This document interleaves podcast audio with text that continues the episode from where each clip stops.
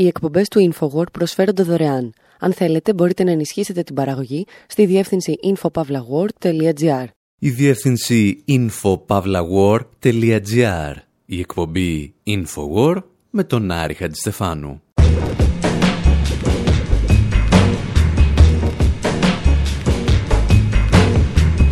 Όπου σήμερα αφιερώνουμε κάμια δεκαριά τραγουδάκια σε έναν μεγάλο διανοούμενο που μας χάρισε ένα από τα σημαντικότερα βιβλία για την προπαγάνδα και τα μέσα ενημέρωσης. Γιορτάζουμε τη συμπλήρωση 30 χρόνων από την κυκλοφορία του βιβλίου «Κατασκευάζοντας συνένεση» των Έντουαρτ Χέρμαν και Νόαμ Τσόμσκι και ακούμε πέντε τραγούδια για τα πέντε φίλτρα προπαγάνδας που παρουσίασαν. Διαφωνούμε λίγο με τον Τσόμσκι για τις παλαιότερες θεωρίες του σχετικά με τη γλώσσα, αλλά δεν χαλάμε και τις καρδιές μας.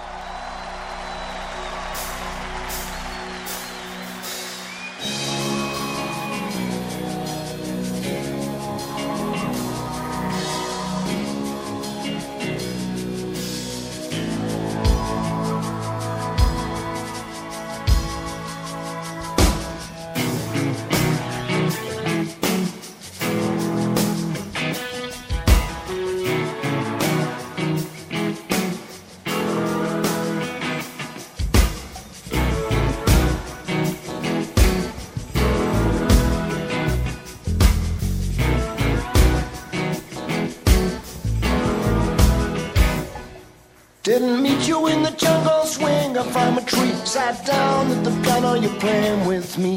I couldn't believe all the things you could do. The apes see were in the zoo.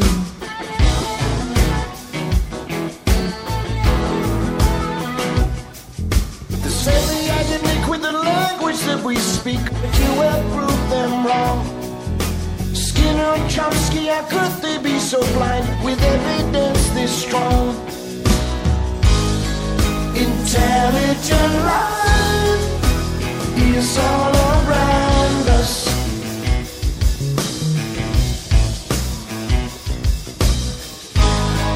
Intelligent life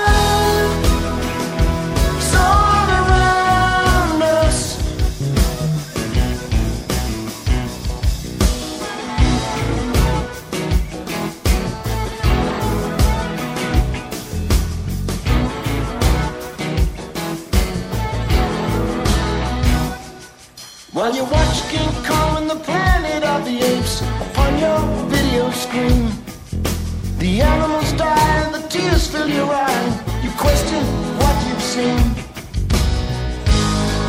Intelligent life is all around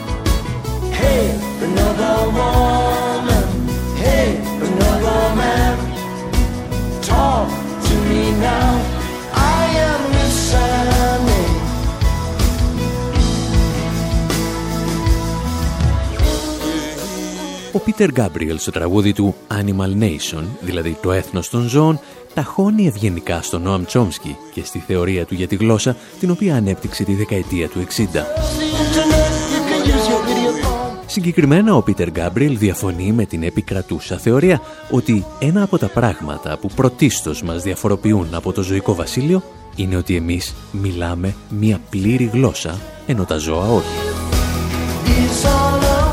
It's all around. Πώς μπορεί ο Τσόμσκι να είναι τόσο τυφλός και να μην το καταλαβαίνει, τραγουδά ο Γκάμπριελ, υπονοώντας μάλλον ότι και τα ζώα έχουν τη δική τους γλώσσα.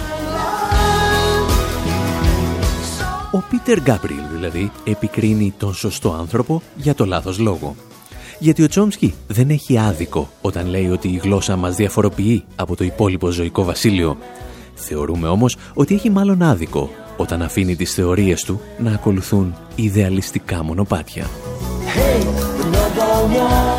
Πριν γίνουμε όμως εντελώς ακατανόητοι, θα αφήσουμε ένα παλιό μίνι ντοκιμαντέρ του BBC να μας εξηγήσει τι ακριβώς έλεγε η θεωρία του Τσόμσκι για τη γλώσσα.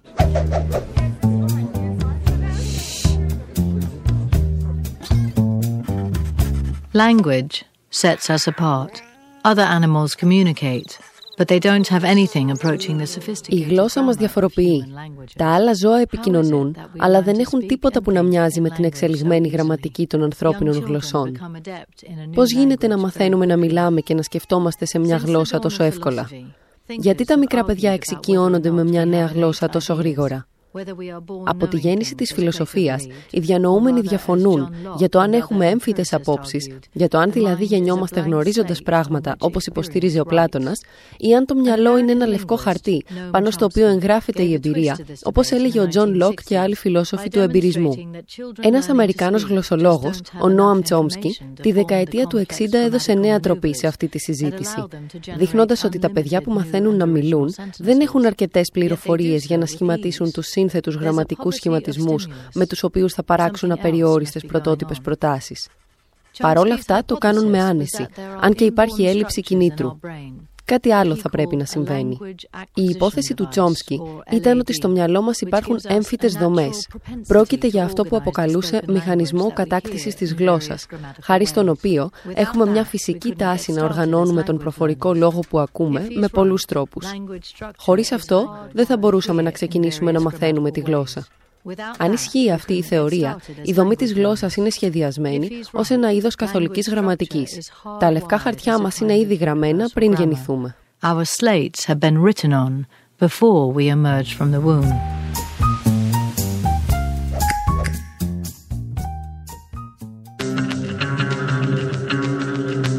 Και μόνο το γεγονός ότι οι συντάκτες του BBC συνέδεαν τη θεωρία του Τσόμσκι με τον Πλάτωνα θα έπρεπε να χτυπά το πρώτο καμπανάκι ότι κάπου εκεί, στη δεκαετία του 60, ο Τσόμσκι ακολούθησε ένα ελαφρώς ιδεαλιστικό μονοπάτι.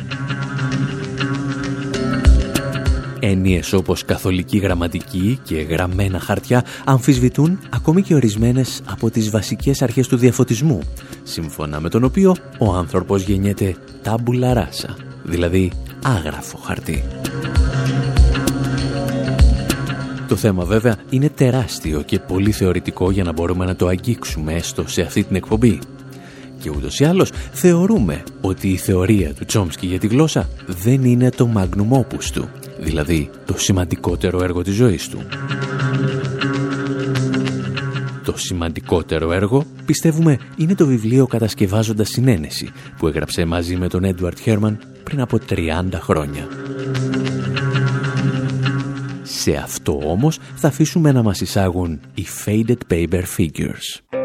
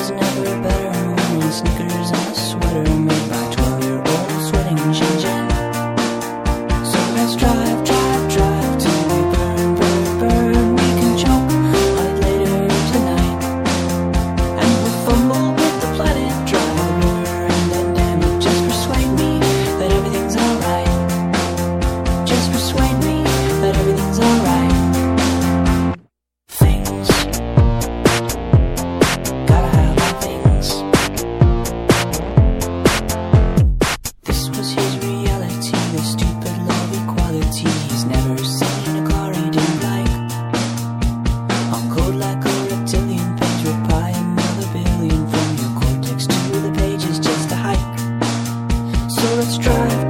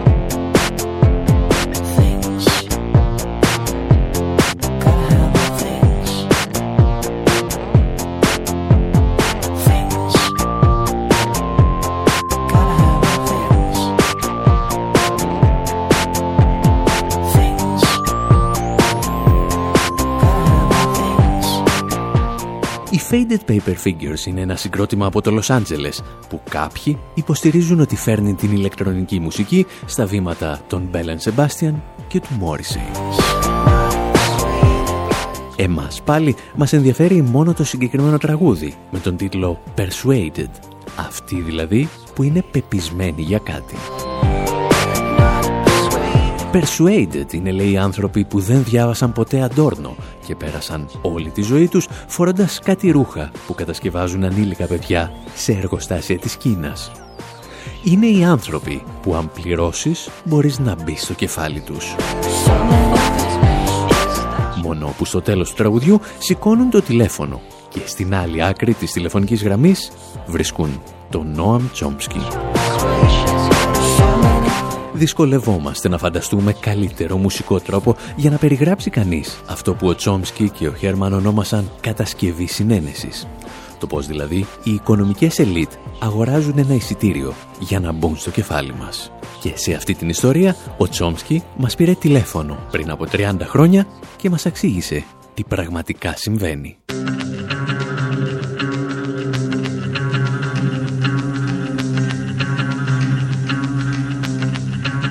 Καθώς συμπληρώνονται τρεις δεκαετίες από την κυκλοφορία του βιβλίου «Κατασκευάζοντας συνένεση», σκεφτήκαμε να θυμηθούμε τι ακριβώς είχαν να μας πούν οι Χέρμαν και Τσόμσκι.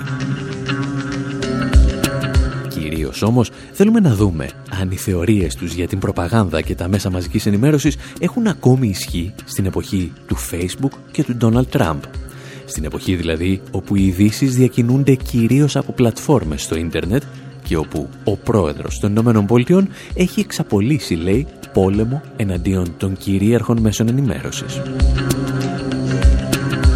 Πρώτα όμως θα αφήσουμε την Amy Goodman να μας εξηγήσει τι ακριβώς έλεγε το βιβλίο κατασκευάζοντας συνένεση. Εδώ την ακούμε σε ένα εξαιρετικό μινι ντοκιμαντέρ που ετοίμασε για το Al Jazeera. Propaganda Many use the word when talking about countries like North Korea, Kazakhstan. Προπαγάνδα. Πολλοί χρησιμοποιούν αυτή τη λέξη όταν μιλούν για χώρες όπως η Βόρεια Κορέα, το Καζακστάν, το Ιράν.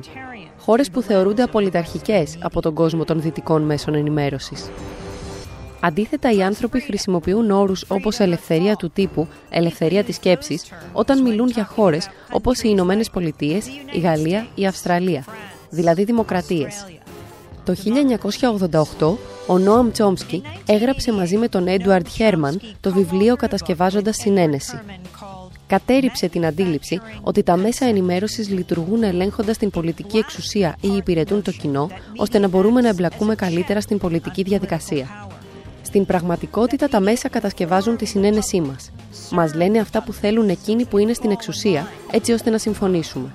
Η δημοκρατία σκηνοθετείται με τη βοήθεια των μέσων μαζικής ενημέρωσης που λειτουργούν σαν μηχανές προπαγάνδας.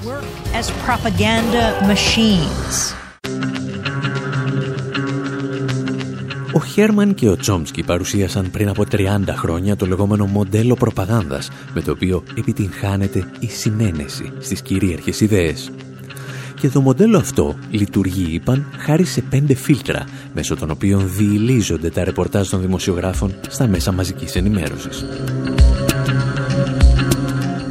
Εμείς πάλι, για να μην σας κουράσουμε, σκεφτήκαμε να παρουσιάσουμε τα πέντε φίλτρα ακούγοντας παράλληλα και πέντε τραγούδια που έχουν γραφτεί για τον Τσόμσκι. Και θα ξεκινήσουμε με τους πάντα βαθιά πολιτικούς Manic Street Preachers. What if I turn into a werewolf or something?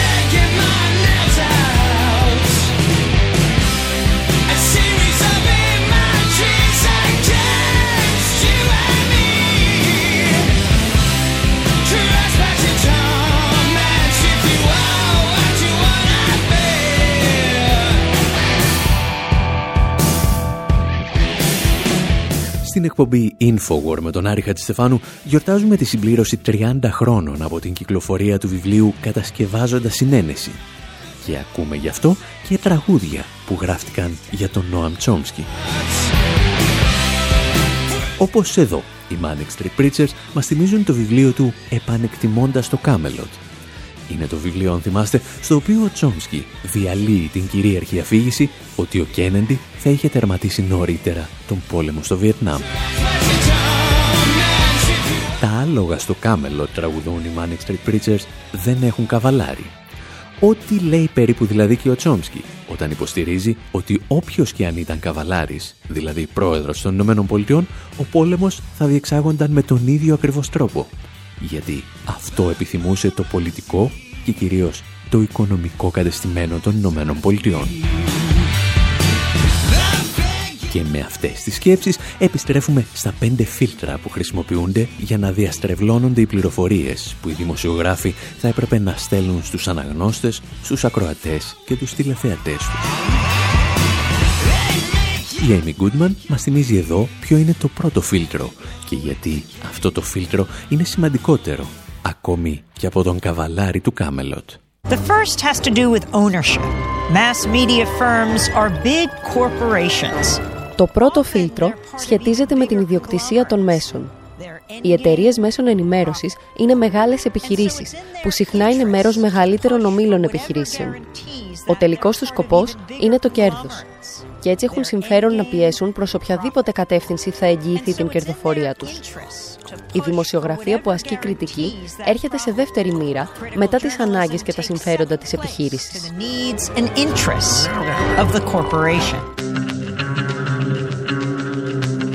Πριν από μερικά χρόνια ρώτησαν τον Νόαμ Τσόμσκι αν το βιβλίο του κατασκευάζοντας συνένεση παραμένει ακόμη χρήσιμο τώρα που περάσαμε στην εποχή του ίντερνετ και στις πλατφόρμες τύπου Facebook και Google. Και αυτός, χωρίς να υποτιμά καθόλου τις αλλαγές που φέρνει η τεχνολογία, απάντησε κάπως έτσι. I don't think it's changed what the corporate media do. They're subject to the same pressures. They act in pretty much the same way. The internet has had an effect on η τεχνολογία, εξηγούσε ο Τσόμσκι, δεν άλλαξε το ρόλο των εμπορικών μέσων ενημέρωσης, τα οποία υπόκεινται στις ίδιες ακριβώς πιέσεις με το παρελθόν. Ο ίδιος εξηγούσε ότι το ίντερνετ δεν είναι ελεύθερο και κυρίως δημόσιο, όπως το φανταζόμαστε, αφού ιδιωτικοποιήθηκε από τα μέσα της δεκαετίας του 90. Το πρώτο φίλτρο λοιπόν με το οποίο επιτυγχάνεται η συνένεση παραμένει αναλύωτο αφού δεν άλλαξε το ιδιοκτησιακό καθεστώς των μέσων ενημέρωσης. Μας μένουν άλλα τέσσερα φίλτρα και άλλα τέσσερα τραγούδια για τον Τσόμσκι τα οποία θα ακούσουμε στο δεύτερο μέρος της εκπομπής.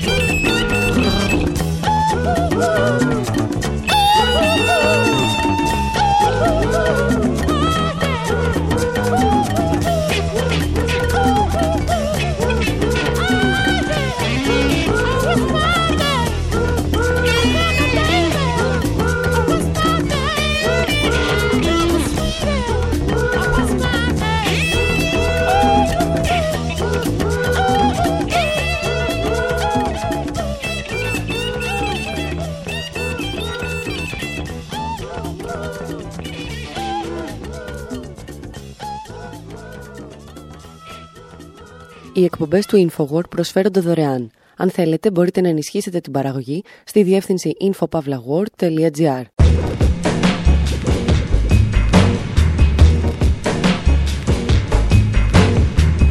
Εκπομπή InfoWord συνέχεια. Όπου ακούμε τραγουδάκια για τον Νοάμ Τσόμσκι με αφορμή τη συμπλήρωση 30 χρόνων από την κυκλοφορία του βιβλίου «Κατασκευάζοντας συνένεση», το οποίο έγραψε μαζί με τον Έντουαρτ Χέρμαν. Αφήσαμε την Amy Goodman να μας παρουσιάζει τα πέντε φίλτρα με τα οποία οι μηχανισμοί προπαγάνδας διαστρεβλώνουν τις πληροφορίες που συλλέγουν οι δημοσιογράφοι προκειμένου να κατασκευάσουν τη συνένεση στις κυρίαρχες ιδέες και έχουμε φτάσει στο δεύτερο φίλτρο, το οποίο θα ακούσουμε μετά από αυτό το τραγουδάκι.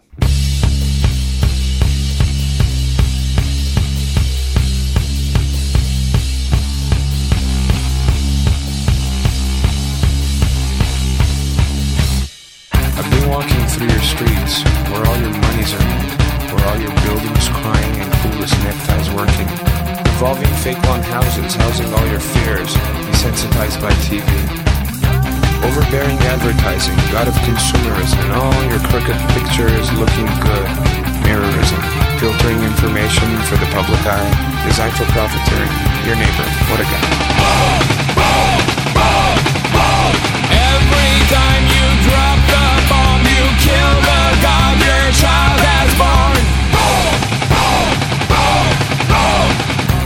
Modern globalization, coupled with condemnations, unnecessary death, matador corporations, puppeting your frustrations with a blinded flag. Manufacturing consent is the name of the game. The bottom line is money, nobody gives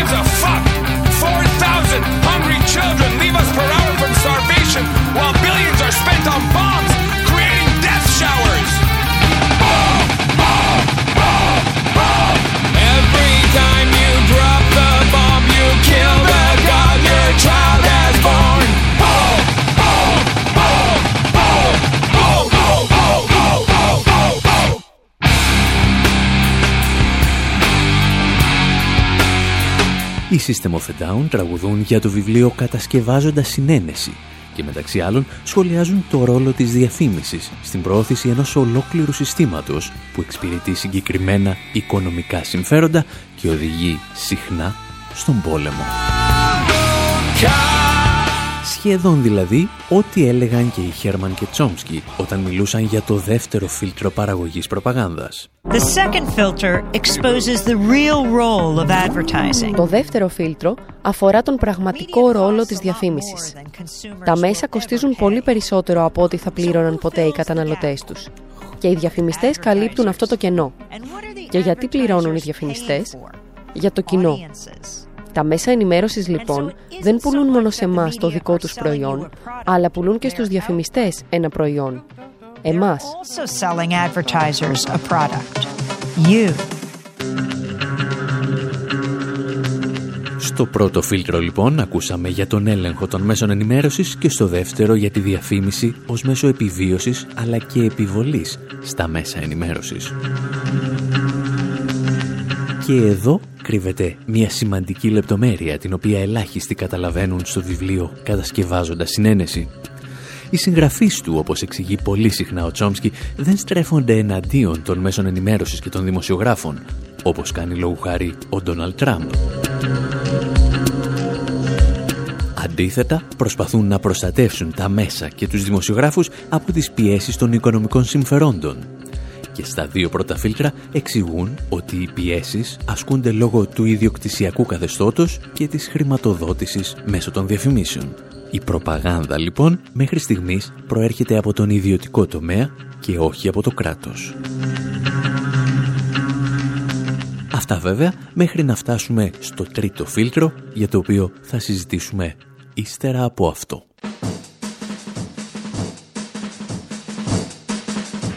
Take some exercise to keep warm. The stupid little policeman smashed his head in.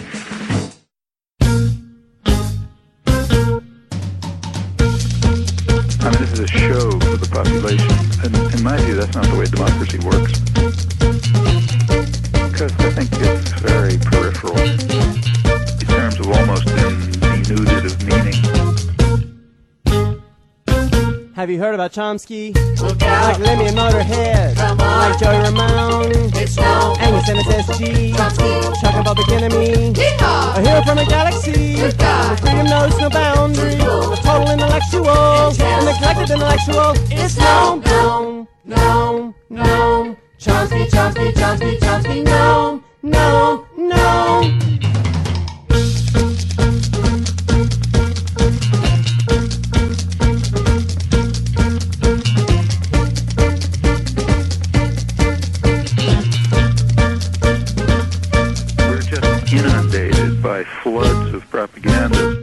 What's happening? He doesn't know what's happening. He doesn't know what's going on. They pay for the weapons. They buy the yellow ribbon. Teach the nation. Teach the children what you're here for. A world of murder and hell. No, no, no. Chomsky. Ah. Chomsky, Chomsky, Chomsky, Chomsky, gnome, gnome, gnome.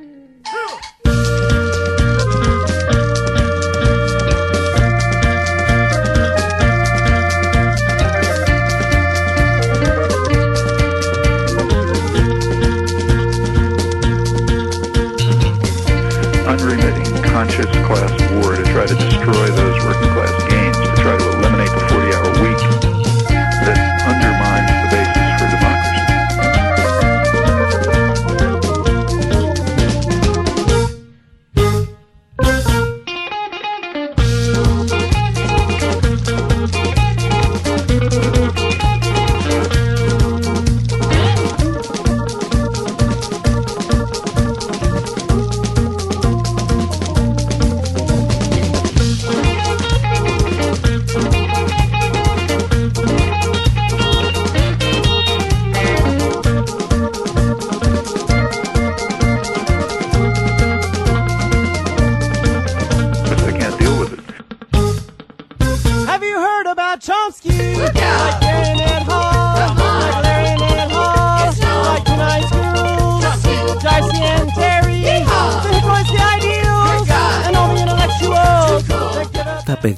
ακούσατε ονομάζονται The Horses και έλκουν την καταγωγή τους από το Όστιν του Τέξας. Οι ίδιοι αυτοπαρουσιάζονται σαν ένα συγκρότημα που θα σε κάνει να χορεύεις σαν να έχεις μυρμήγκια στο παντελόνι σου, τα οποία απέκτησες στη Γαλλία κατά τη διάρκεια ενός καλοκαιρινού έρωτα με έναν τύπο που τον έλεγαν Ράντι. Πληροφορία την οποία δεν είμαστε σε θέση να επιβεβαιώσουμε, αλλά δεν βλέπουμε και το λόγο να τη διαψεύσουμε. Το σίγουρο είναι ότι οι Χόρσεις τραγουδούν για τον Τσόμσκι και τις θεωρίες του για την κρατική αυτή τη φορά προπαγάνδα. Γεγονός που μας φέρνει στο τρίτο φίλτρο που χρησιμοποιείται για την διαστρέβλωση των πληροφοριών που θα έπρεπε να φτάνουν σε εσάς από εμάς, τους δημοσιογράφους. Τα εξηγεί και πάλι η Amy Goodman στο μίνι ντοκιμαντέρ που ετοίμασε για το Al Jazeera. How does the establishment manage the media? That's the third filter. Το πώς το καθεστώς διαχειρίζεται τα μέσα ενημέρωσης είναι το τρίτο φίλτρο. Η δημοσιογραφία δεν μπορεί να λειτουργεί ελεγκτικά για την εξουσία, γιατί το ίδιο το σύστημα ενθαρρύνει τη διαπλοκή. Κυβερνήσεις, επιχειρήσεις, μεγάλα ιδρύματα και θεσμοί ξέρουν πολύ καλά πώς να παίξουν το παιχνίδι των μέσων ενημέρωσης. Ξέρουν πώς να ασκήσουν επιρροή στην περιγραφή των ειδήσεων. Τροφοδοτούν τα μέσα ενημέρωσης με επίσημες χορηγίες, συνεντεύξεις με τους ειδικούς. Καθιστούν τον εαυτό τους κρίσιμο για τις διαδικασίες της δημοσιογραφίας. Και έτσι, όσοι είναι στην εξουσία και όσοι μιλούν για αυτούς, κοιμούνται στο ίδιο κρεβάτι. Αν θέλεις να αμφισβητήσεις την εξουσία, θα περιθωριοποιηθείς. Χάνεις την πρόσβασή σου, χάνεις την είδηση. You've lost your access. You've lost the story. Αν θέλετε να καταλάβετε καλύτερα το τρίτο φίλτρο προπαγάνδας από το βιβλίο «Κατασκευάζοντας συνένεση», μπορείτε να σκεφτείτε την παρακάτω ιστορία. Ένας αστυνομικός συντάκτης λαμβάνει ένα SMS με πληροφορίες από τη Γενική Αστυνομική Διεύθυνση. Οι πληροφορίες είναι εμφανώς αναλυθείς, αλλά ο δημοσιογράφος έχει μπροστά του δύο επιλογές. Αν αρνηθεί να τις μεταδώσει, αποδίδοντάς τις σε πηγές της αστυνομίας, η στρόφιγγα των πληροφοριών θα κλείσει για αυτόν για πάντα. Οι συναδελφοί του θα έχουν δηλαδή πάντα ειδήσεις που αυτός δεν θα έχει ποτέ και σύντομα θα χάσει τη δουλειά του. Αν πάλι δεχθεί να τις αναμεταδώσει, είναι και αυτός μέρος του μηχανισμού προπαγάνδας, οπότε δεσμεύεται από την ίδια ομερτά να μην αποκαλύψει ένα μηχανισμό στον οποίο συμμετέχει. Δεν ξέρουμε πώς μας ήρθε αυτό το παράδειγμα. Μάλλον τυχαίο θα είναι. Μπορείτε όμως να φανταστείτε πως αν αυτά συμβαίνουν στις σχέσεις ενός απλού αστυνομικού συντάκτη με το κράτος, τι βόθρος υπάρχει σε ανώτερα κλιμάκια της δημοσιογραφίας.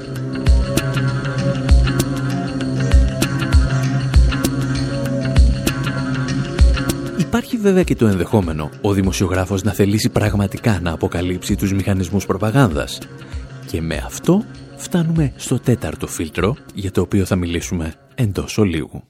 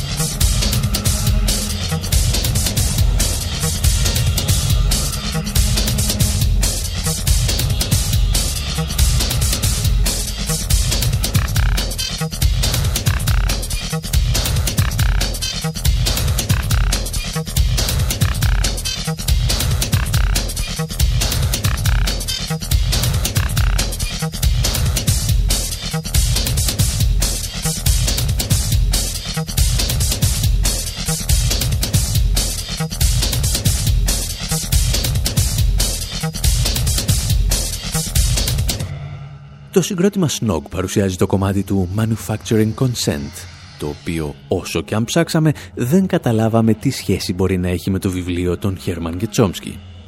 Αλλά κάποια σχέση θα έχει γιατί ο ιδρυτής του συγκροτήματος David Russell ήταν αρκετά πολιτικοποιημένο παιδί, μέχρι τη στιγμή που λέγεται ότι τον έφαγαν οι θεωρίες συνωμοσίας.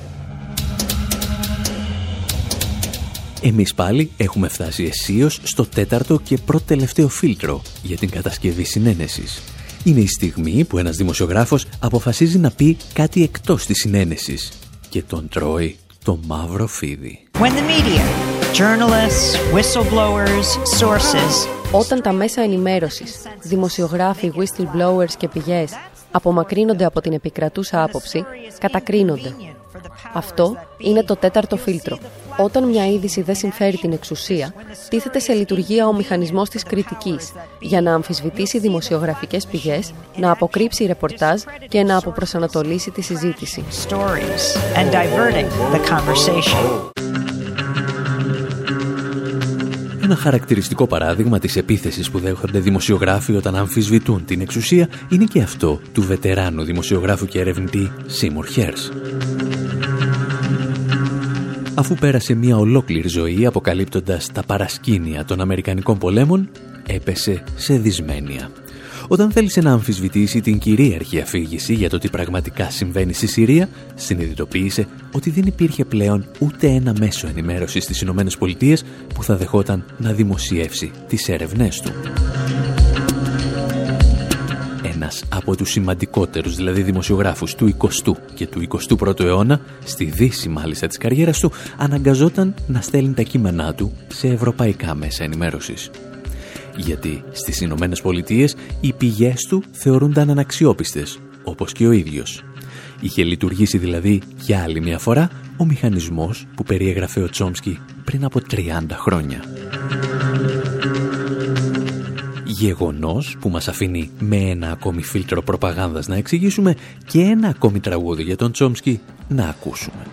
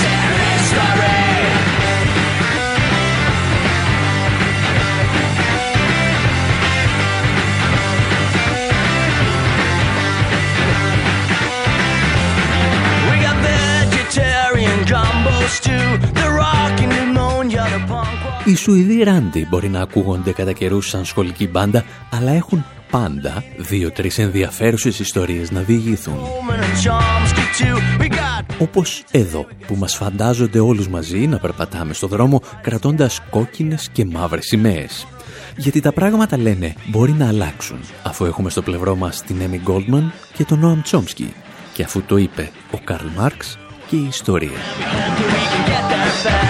Το οποίο τραγούδι έχει πολύ ενδιαφέρον να το ακούει κανείς αυτή την εβδομάδα. Την εβδομάδα δηλαδή που ο Φράνσις Φουκουγιάμα κήρυξε και πάλι την επανέναρξη της ιστορίας. Karl Marx and Ο Μάρξ, είπε, είχε σε πολλά πράγματα δίκιο και χρειαζόμαστε την επιστροφή των σοσιαλιστικών ιδεών. Και άμα τον ρωτήσεις γιατί στο τέλος του ψυχρού πολέμου κήρυται το τέλος της ιστορίας και την ολοκληρωτική επικράτηση του φιλελεύθερου καπιταλισμού, μάλλον θα σου απαντήσει σαν τον λαγό στο δάσος. Εδώ, πίναμε το ουζάκι μας, παίζαμε το κομπολογάκι μας και γράφαμε και κανένα κείμενο για το Foreign Affairs. Το υποτιθέμενο τέλος της ιστορίας πάντως σχετίζεται άμεσα και με τη δική μας ιστορία.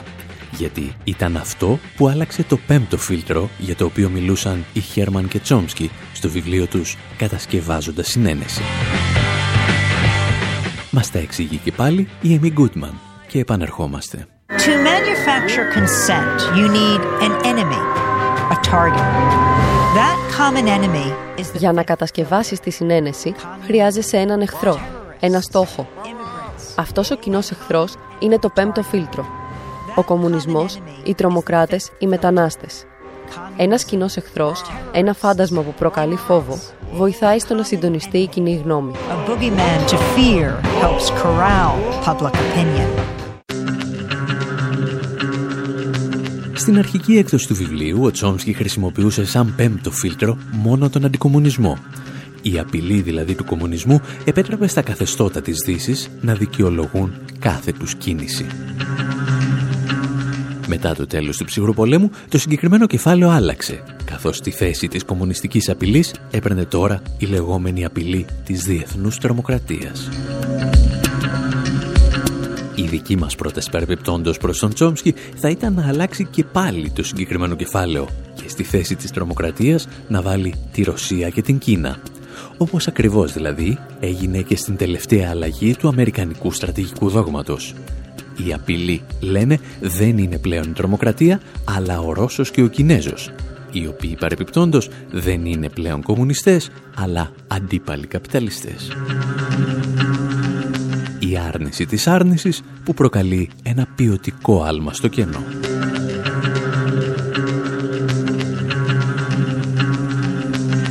Κάπου εδώ όμως, αφού τελειώσαμε την εξιστόρηση των πέντε φίλτρων, θα σας αφήσουμε και για αυτή την εβδομάδα.